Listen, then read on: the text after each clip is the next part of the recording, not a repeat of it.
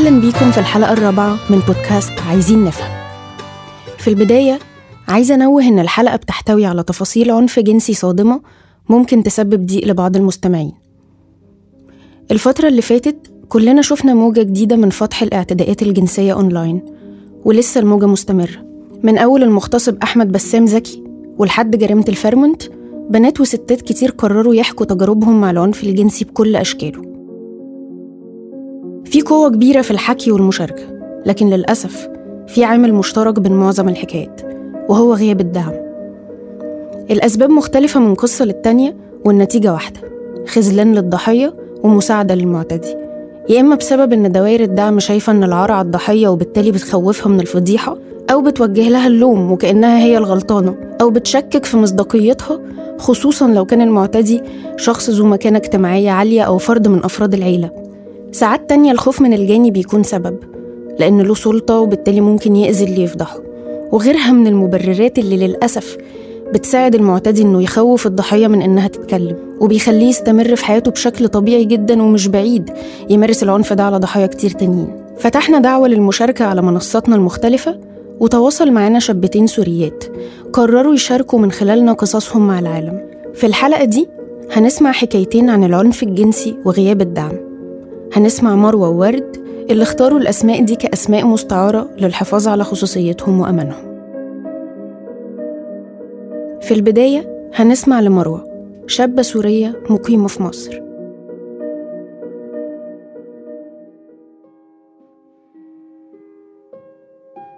أنا جيت مصر 2012 يعني هربت من من الحرب بصراحة حسيت إن أنا أحتاج فرصة تانية. للحياة. فكان خيار خيارات ما كانش كتيرة قدامي بصراحة. فكان خيار بالنسبة لي لبنان أو مصر وبعدين اخترت مصر عن لبنان. أول ما جيت كانت أول مرة في حياتي أجي فيها مصر. فالموضوع ما كانش سهل خالص خالص خالص. وكنت لا وحدي. كان عندي 22 أو 23 سنة وقتها. الفكرة إن أنا بدأت أدور على شغل عشان طبعا كان صعب إن أنا أعتمد على أهلي ماديا خصوصا في ظروف الحرب. في مرة من المرات كنت قدمت على شركة استشارات عشان أنا كنت أصلا شغالة في ال business وتحدد لي interview لما رحت المقابلة دي كانت دايركت على طول مع المدير العام هناك واللي هو واضح إن هو شخص يعني من الآخر واصل أو ذو سلطة. علشان يعني من اللي أنا شفته في المقابلة دي الشركة أصلا في يعني موقع موقع ممتاز في في في منطقة المفروض إنها كويسة جدا في القاهرة. الشركة نفسها كانت واخدة أكتر من دور في العمارة. فهي شركة كبيرة مش شركة مش شركة صغيرة. الوضع مشي يعني في الأول عادي اللي هو السكرتيرة استقبلتني وادتني الورق اللي همليه لحد ما أدخل المقابلة مع المدير العام. أول ما دخلت فبيقرأ بيشوف إن أنا سورية لبنانية على السيرة الذاتية بتاعتي. فطبعا إحنا الموضوع الكلام نفسه أو يعني يعني أول مقابلة ما كانش ليها أي دعوة بتاريخ العمل عندي أو بالخبرة بتاعتي ولا أي حاجة. كان الموضوع متطرق أكتر سوريا ولبنان وقد إيه الكلام اللبناني لطيف وقد إيه أنا أعرف أتقن اللهجة اللبنانية لو اضطرينا ليها. وكان الموضوع بالنسبة لي غريب شوية عشان أنا رايحة أقدم على شغل مش رايحة أتكلم عن أهل مامتي ولا أهل أبويا ولا أي حاجة تانية. حاولت إن أنا يعني اعدي الموضوع عشان حسيت إن الشركة مش صغيرة فيعني قلت لأ هو أكيد أكيد ده كان مجرد زي ما بيقولوا كسر جليد أو كسر الحاجز. ما بيننا أكيد. وهو قال لي تعالي بعد بكرة في نفس الميعاد مقابلة تانية. جيت في الميعاد المطلوب والمقابلة برضو كانت ملهاش أي دعوة ولا بخبرتي ولا بكلام. وعرض عليا شغلانة تانية غير اللي أنا مقدم عليها. عرض عليا زي مساعدة شخصية لي. وأنا بالنسبة لي ده مش شغلي ولا خبرتي ولا ولا الهدف اللي أنا أصلا رايحه عليه ولا طبعا حاجة هتضيف لي أي حاجة في اللي أنا عايزه أعمله. فترددت وكان واضح طبعا ان أنا مترددة جدا قلت له بصراحة أنا اتفاجئت من العرض وما كانش ده اللي أنا جاية عليه. فهو وقتها عرض مبلغ كبير جدا كراتب شهري. حتى قبل التعويم فالرقم كان كبير وكان بيقوله لي بالدولار فاللي هو كان بيحاول على قد ما يقدر يغريني بالبوزيشن ده أو بالمكان ده. وكواحدة عندها 22 سنة سمعت رقم زي ده فبقى تفكيرها مشتت جدا. فقلت له معلش أنا يعني لو هتسمح لي تديني يومين تفكير وأرجع لك تاني. قال لي آه بس قبل ما تفكري لازم أقول لك طبيعة الشغل. طبيعة الشغل إن انت ممكن تتعرضي لمضايقات وده عادي عشان إحنا بنعرف نفصل الشغل عن عن العلاقات الشخصية. وأنا متأكد إنك انت تقدري تعملي ده. فإحنا هنعمل تستين لطيفين أو اختبارين لطيفين آه نتأكد فيهم قد إيه انت بتعرفي تفصلي حياتك الشخصية ومشاعرك الشخصية عن الشغل. أنا طبعا تخيلت إن اللي هو بيتكلم فيه إن هو هيديني ورق آه هكتب حاجة آه هيطلب مني أتكلم كأني بتكلم مثلا في, في, في حتى في مقابلة تلفزيونية. يعني ده اللي أنا راح تفكيري ليه ومخيلتي ليه. فقلت له تمام ما فيش مشكلة. فقال لي فعلا قال لي ممكن توقفي دلوقتي وتعملي كأنك بتلقي كلمة قدام ناس عشان إحنا طبيعة شغلنا ممكن تتطلب ده. وقفني ورا ترابيزة وأنا كنت فعلا واقفة كده وكأني يعني بتكلم هو يعني قال لي حتى لو هتقري السيرة الذاتية بتاعتك وأنت واقفة بتلقي الكلمة ما عنديش أي مشكلة. أه وأنا واقفة بتكلم أه راح لافت من ورايا وبدأ يلمسني في أماكن طبعا أنا مش مستريحة خالص انه يلمسني فيها. فأنا بعدت واتخضيت جدا. فهو قال لي قعد يقول لي لا أنت كده مش بتفصلي الشغل عن علاقاتك الشخصية أو عن شعورك الشخصي. فده كان أول اختبار. فهو قال لي قال لي بصي إحنا عايزين نركز جامد جدا في الشغل اللي إحنا بنعمله ومهما حصل أي مضايقات حوالينا نعتبر إن إحنا لأ مش شايفينها وإحنا مركزين جدا جدا جدا في الورق اللي عمالين نقرأ منها. أنا هنا ما بقتش مستريحة عايزة أجري وفي نفس الوقت. بصراحة كنت خايفة منه عشان يعني لأسباب كتيرة. أسباب إن أنا أصلا كنت صغيرة ثانيا ما كانش عندي الجرأة الكافية مثلا إن أنا مثلا اضربه مثلا وأجري. أه ما كنتش عارفة إيه ممكن يحصل لو أنا عملت خطوة زي دي.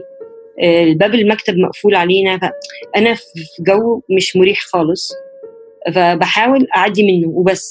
يعني أه يعني أحاول أعدي المقابلة دي وبعد كده يتفتح لي باب المكتب عشان خلصنا وأروح جارية بقى. حاولت تاني أحاول أركز أكتر في الورقة زي ما كنا المفروض نعمل يعني. آه لقيته قرب ونزل بنطلون وكان بيحاول يتحرش بيها من ورا. وأنا في اللحظة دي آه كنت في حالة آه مش ذهول بس كانت بالنسبة لي صدمة كبيرة جدا. وعمري ما تخيلت ان أصلا ممكن أتعرض لموقف زي ده في شركة مفروض إنها محترمة. فردة فعلي كانت إن أنا زقيته بعيد عني جدا. ورحت جاريه اللي عند باب المكتب.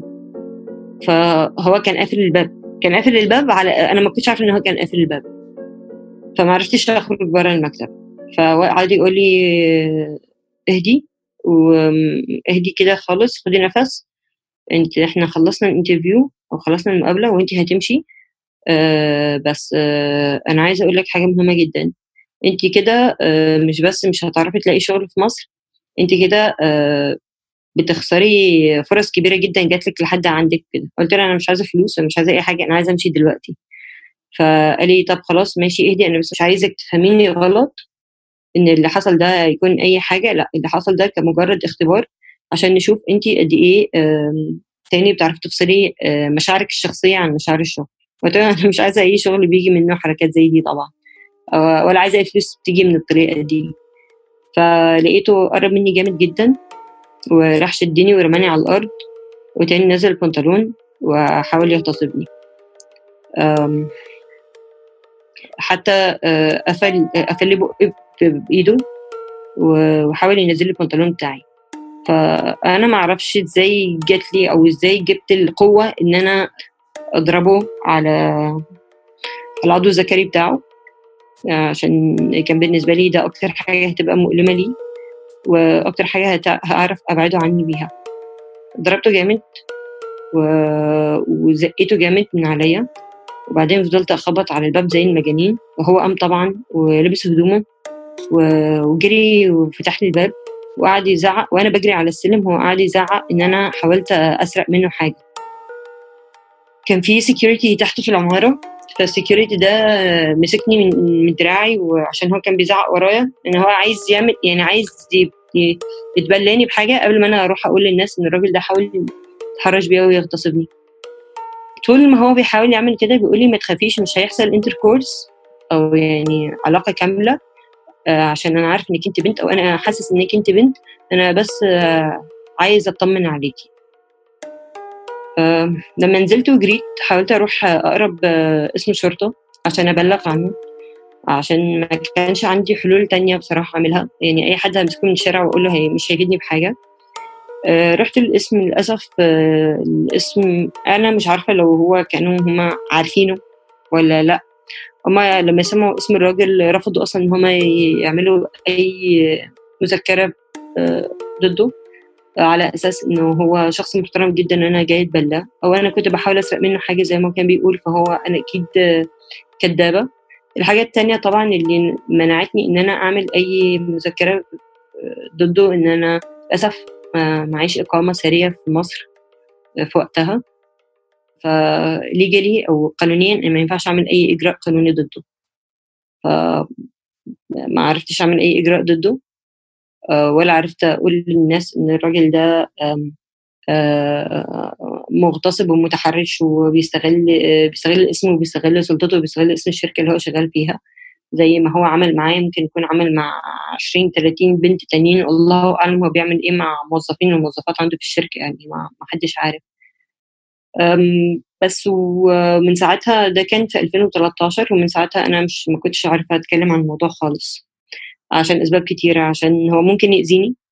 هو أكيد لو سمع أو عرف أو قرأ الحادثة دي أظن يعني هو هيعرف نفسه.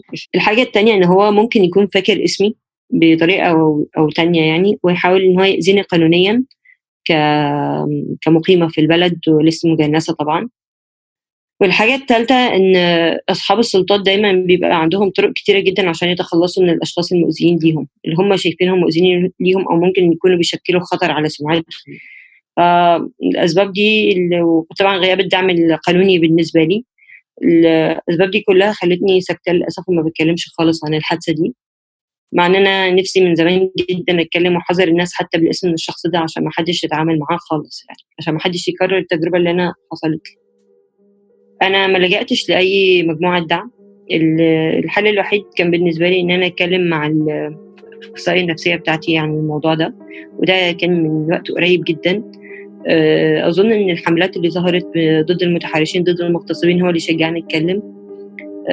ولا حتى اتكلمت مع أهلي خالص في الموضوع ده. عشان طبعا الموضوع زي ده كان هيخليهم يعني بدل ما يقلقوا مرة على إن بنتهم وحدها في بلد ما تعرفهاش يقلقوا مليون مرة. وممكن ممكن يرجعوني حتى بلدي وده ما كنتش عايزة أعمله. فللأسف لا ما تواصلتش مع حد ولا أي مجموعات دعم عشان ما كنتش أعرف أي حد أي حد منهم. وللأسف لا ما اتكلمتش مع أي حد. زي ما قلت هو كان لوقت قريب جدا إن أنا اتكلمت مع الاخصائيه النفسية بتاعتي. حتى حاولت إن أنا أتواصل مع ناس اللي هما كانوا بيعرضوا صور للمتحرشين المغتصبين. بس كنت عايزة اوصل له لصورة هو الأول. ما لقيتش الاكونت بتاعه على أو ما لقيتش الحساب بتاعه على فيسبوك فالموضوع حسيت إن دي كلها حاجات تخليني لأ أفكر إن أنا ما أعملش كده ناس كتير أول ما بتسمع عن حادثة عنف جنسي حصلت من مدة طويلة بتسأل إيه اللي خلاها تسكت كل ده؟ هي لسه فاكرة تقول دلوقتي؟ وناس تانية بتسأل ما بلغتيش ليه؟ ما في قانون ممكن يحميكي في كمان ناس فاكرة لحد دلوقتي إن الأماكن المرموقة والراقية ما بيحصلش فيها تحرش واعتداء جنسي وإن الأشخاص الناجحة أو الغنية مش بتمارس عنف جنسي على حد وبالتالي بيكون أسهل رد فعل هو تكذيب الضحية أو لومها بإنها أكيد عملت حاجة تسببت في الحادثة دي أو إنها ببساطة فهمت غلط أو كبرت الموضوع. قصة مروة بتلفت نظرنا للتقاطعية في قضايا العنف ضد الستات لأن وضع ست مهاجرة أو لاجئة من منطقة نزاع ممكن يكون مشجع للمعتدي إنه يستغل حساسية وضعها القانوني في البلد اللي عايشة فيها أو خوفها من الترحيل وبالتالي يطمن إنه مش ممكن يواجه عواقب قانونية على اعتداءاته كمان لو عايشة في البلد لوحدها من غير دوائر دعم زي الأهل والأصدقاء أو لسه جاية البلد جديد وما لحقتش تتعرف على الإجراءات القانونية وحقوقها ومين ممكن تلجأ له لو احتاجت دعم قانوني أو نفسي أو طبي كل ده بيحطها في موقف أصعب من غيرها اللي ممكن يكون عندهم فرص وصول للدعم بشكل أكبر أو أسهل. تخيلوا كمان لو مروة ما كانتش تقدر توفر تكاليف الاستشارة النفسية. كان السبيل الوحيد اللي قدرت تلجأ له كمان اتقفل. لأنها وقت تعرضها للحادثة كانت صغيرة في السن ولسه بتدور على شغل ومش حواليها أشخاص قريبين ممكن يساعدوها. بالإضافة لده للأسف كتير من المعتدين بيعتبروا إن الستات المهاجرة أو اللاجئة خصوصا من مناطق النزاع هم جوايز ليهم أو جايين عشان يحققوا لهم أحلامهم الجنسية المريضة. بيبصوا لهم باستحقاق وبيستبيحوا الاعتداء عليهم أو بيبصوا لهم دايما بنظرة جنسية ما فيهاش احترام ومساواة وأدمية.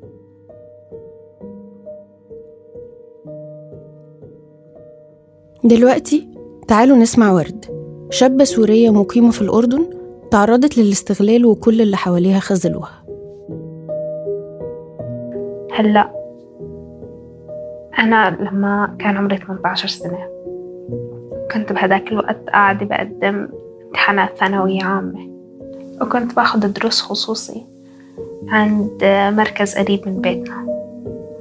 طبعا المركز كان مختلط فبهداك الوقت تعرفت على شاب وأنا كنت يعني بنت صغيرة آه، بدها تعيش آه، حياة بدها تعيش قصة حب فوقت تعرفت على هذا الشاب.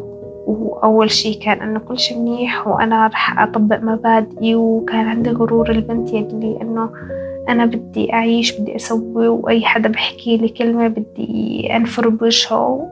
كانت كنت بنت مراهقة وقتها. فبعد فترة لما فهم هذا الشخص أنه أنا بآمن بالحرية الجنسية طبعا مثل أي شاب شرقي بفهم الحرية الجنسية بمنظور آخر أنه أنت مجرد عاهرة راكدة ورا الجنس. من بعدها حاول يستغلني جنسيا. أول شي كنت أرفض الموضوع وأحكي لأ وهذا عكس مبادئي وأنا ما بآمن بهيك شي. صرت عايشة باضطراب بين مبادئي وبين أنا شو عم شو عم يصير معي بحياتي. فبعدين بلشت أنه يعني ما بعرف كيف المجتمع بيشوه مفاهيم حلوة مثل مفهوم الحب مثلا وبيخليك تتوجع بسببه أو بخليك أنه تخضع بسببه. فأنه أنا اللي فهمته بهداك الوقت أنه أنا إذا حبيت أنه أنا لازم أخضع. فأنه مع الوقت بلشت أمشي الأمور وأحكي أوكي وأنا هذا الشي بلوم حالي عليه. أنه أنا حكيت أنه نعم بالوقت اللي كان لازم أحكي فيه ولا. لازم أي وحدة فينا مجرد حست شعور بسيط إنه لازم تحكي لأ لازم تحكي لأ. فكأن الموضوع أول شي بلش بأشياء جنسية بسيطة وأنا ما كنت راضية عنها آه، ناس كانت تطلع علي نظرة إنه أنت عم تعملي شي غلط وكنت أتضايق لما بنت تحس إنه عم أعمل شي أنا إلي إشي علاقة بالجنس وكنت دائما أنكر هذا الشي إنه لأ أنا ما بسوي هيك شي. فبعدين بلشت أفهم إنه أنا متضايقة أنا ما مرتاحة مع هذا الوضع خاصة إنه أنا كنت كمان لسه ماني مكتشفة ميولي الجنسي. بلشت أتعرض هالاستغلال إنه لا أنت لازم تعملي هيك وكل ما أحكي لا أتعرض لتهديد إنه أنت غصب عنك لازم تسوي هيك وأنت أصلا ليش قبلتي من المرة الأولى تسوي معي هيك؟ فإنه أنا دايما كنت أستنكر إنه أنا لأني كنت تحت ضغط وتهديد حكيت نعم. صرت أنا دائما لازم أسوي هيك صرت مجبورة. كل ما كنت أحاول أفلت وأبعد كان دائما يصير أنه تهديد.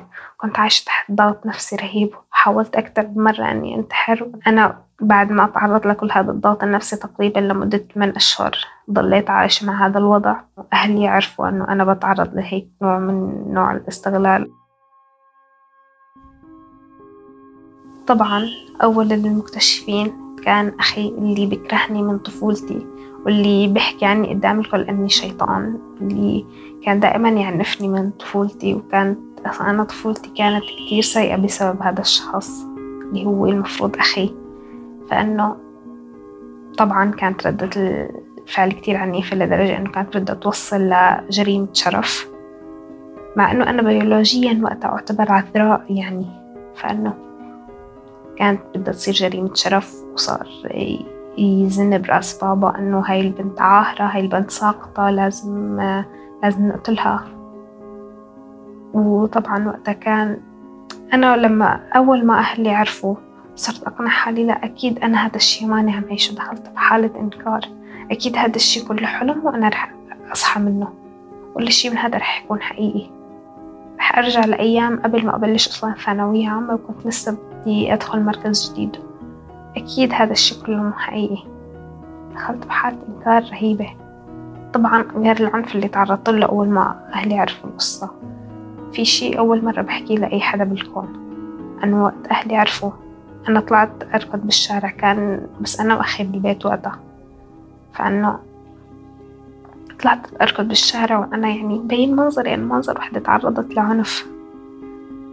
صرت أركض بالشارع وأنا حافية. والناس كانت قاعدة تطلع علي مع أنه أنا أعتبر يعني من سكان منطقة إلى حد ما مرموقة. وهناك كل شركات كبيرة قريبة من بيتي. صرت أطلع أركض بالشارع حفياني والناس قاعدة تتفرج علي. وأخي صرخ بالناس مسكوها هي أختي.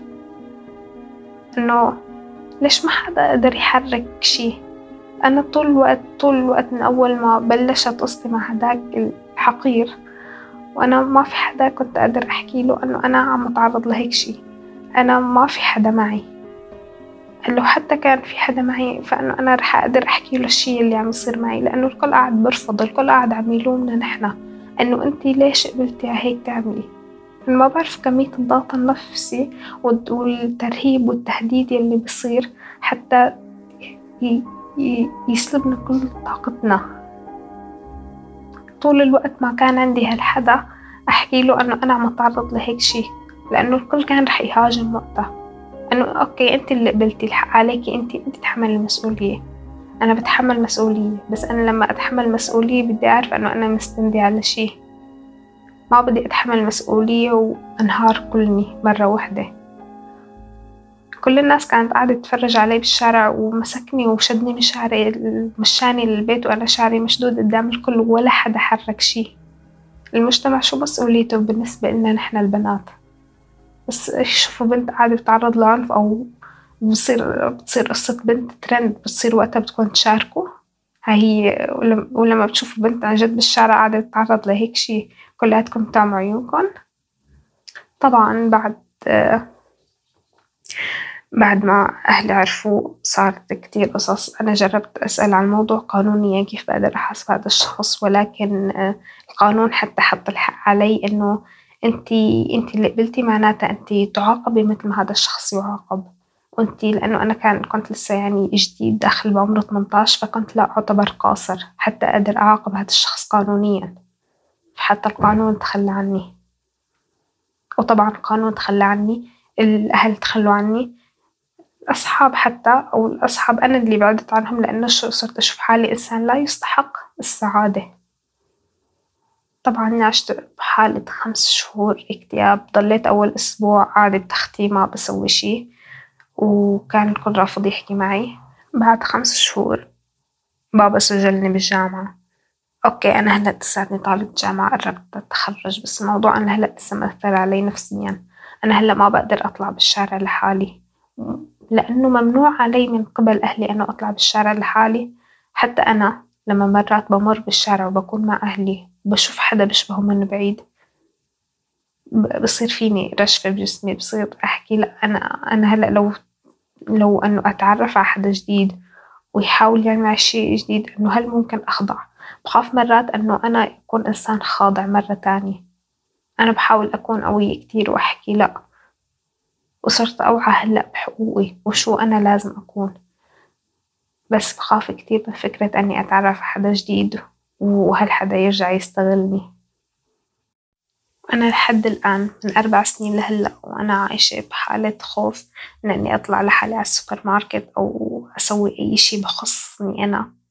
خاصة إنه بعد هديك القصة أنفرض علي اللبس الشرعي وممنوع make up وممنوع كل شي صرت إنسان ما بيشبهني من بعدها. أنا حاليا عم حاول أصير الإنسان يلي أنا بدي إياه الإنسان يلي بتحرر الإنسان اللي بده يستقل الإنسان اللي بده ينحب ويحب كمان. لأنه نحن كلياتنا شو ما صار؟ لازم نترك الماضي ونعرف إنه نحن بنستاهل الحب نستاهل نلاقي حدا يدعمنا. أنا أنا thanks God إنه أنا حاليا في عندي ناس تدعمني أصدقاء بتدعمني. بتمنى كلياتنا يكون في عنا ناس تدعمنا. أنا حاليا عم حاول سامح حالي على الأغلاط اللي ارتكبتها وأنا صغيرة إنه أنا معرفت أحكي لأ. ولكن هلأ عم بفكر مرات إنه هلأ لو لقيت الدعم اللي كان عندي بهداك الوقت أو لو حدا وقف معي كنت راح أحكي لا ولا كنت رح أكمل مثل ما أنا كنت مكملة وأحكي. نعم. مرات بلوم أهلي إنه أنتوا قاعدين هلأ بتمنعوني من أبسط حقوقي اللي هي مثلا أطلع على الشارع باللبس اللي بدي إياه أطلع على الشارع بالسوبر ماركت حتى. إنه أنتوا لازم توقفوا معي. لازم تلاقوا طريقة تحاسبوا فيها اللي, اللي يستغلني. ليش قاعدين بتحاولوا تعملوا هاي الحماية المقرفة؟ واللي هي أنا متأكدة إنه هي تسعين بالمية بسبب إنه هن ما بثقوا فيني.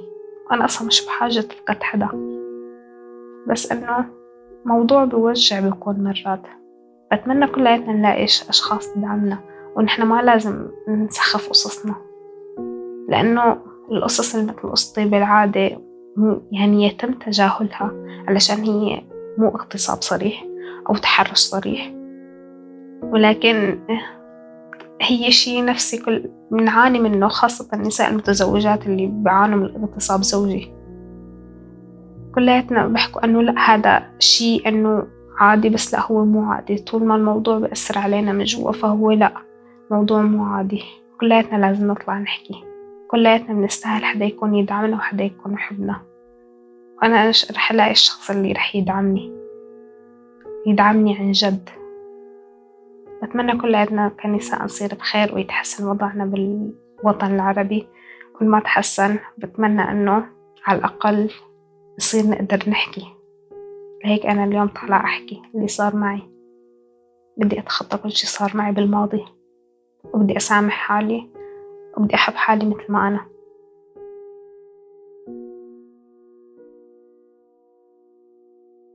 في ناس كتير فاكرة إن الإجبار دايما إجبار بالقوة البدنية أو تحت تهديد السلاح. لكن أوقات القوة بتكون خفية في منصب أو سلطة أو وضع اجتماعي أعلى أو حتى التورط العاطفي. والسلاح بيكون شعور بفرضه على الضحية زي الخوف من نتائج عدم الاستجابة لطلباتي أو من نتائج المقاومة. لو وافقتي مرة يبقى لازم توافقي كل مرة. حتى لو كانت المرة الأولى موافقة تحت تهديد أو تحت ضغط أو استغلال لنقطة ضعف. كتير من المعتدين بيفكروا كده وبيستخدموا الفكرة دي كنقطة ضغط على الضحية إنها ما تقدرش تشتكي لأنه ببساطة هيقول كل ده حصل بمزاجها. أحب أقول لأي شخص بيفكر كده الموافقة تحت ضغط مش موافقة ده اسمه استغلال مش تراضي. اللعب على نقطة ضعف حد لتحقيق مصلحة شخصية ده استغلال مش تراضي. لو اتقال لي لأ في موقف وأنا قررت أهيئ الظروف بطريقة ضغطة بهدف إني أغير إجابة الطرف التاني عشان هيكون أضعف وبالتالي أسهل يوافق ده برضه استغلال مش تراضي. في النهاية عايزة أشكركم على الاستماع وأشكر مروة وورد على شجاعتهم وصراحتهم وإنهم وثقوا فيا وشاركوا معايا قصص خاصة ومؤلمة أجزاء منها أول مرة تتحكي لحد. زي ما موجة فتح الجرائم الجنسية اللي مستمرة في مصر شجعت مروة وورد إنهم يحكوا ويشاركوا تجاربهم مع العنف الجنسي. أكيد مشاركتهم هتشجع بنات وستات كتير إنهم يتكلموا. لكن مهم ما ننساش إن الكلام لو ما تقابلش بدعم حقيقي بيسبب خذلان كبير للستات. كتير بنطلب من الستات تتكلم وتفضح لكن لما بيعملوا كده مش بنقف جنبهم وأوقات كتير بنهاجمهم. اللي بيحصل دلوقتي غير أي وقت فات لأن الستات خلاص اتكلمت وفضحت. الدور علينا دلوقتي ندعمهم وما نخذلهمش الدنيا ماشية عكسي وبسأل نفسي الظلم جاي منين ولدتي كرمني ربي زيك صاحية وفايقة وشايلة بس مش هستنى.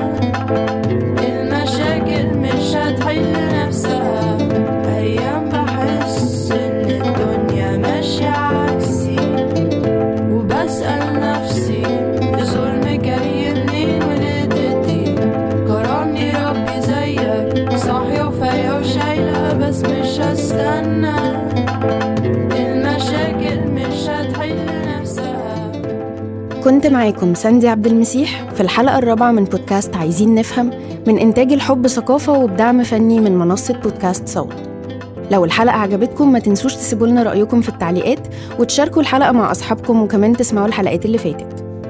ما تنسوش كمان تشتركوا في قنواتنا على منصات البودكاست اللي بتفضلوها عشان ما يفوتكوش الحلقات الجديدة. لو عايزين تطلعوا على مصادر أكتر تقدروا تزوروا الروابط الموجودة في وصف الحلقة. ملحوظة. الآراء الواردة في البودكاست تخص أصحابها ولا تعبر عن منصة بودكاست صوت. نتقابل في الحلقة الجاية.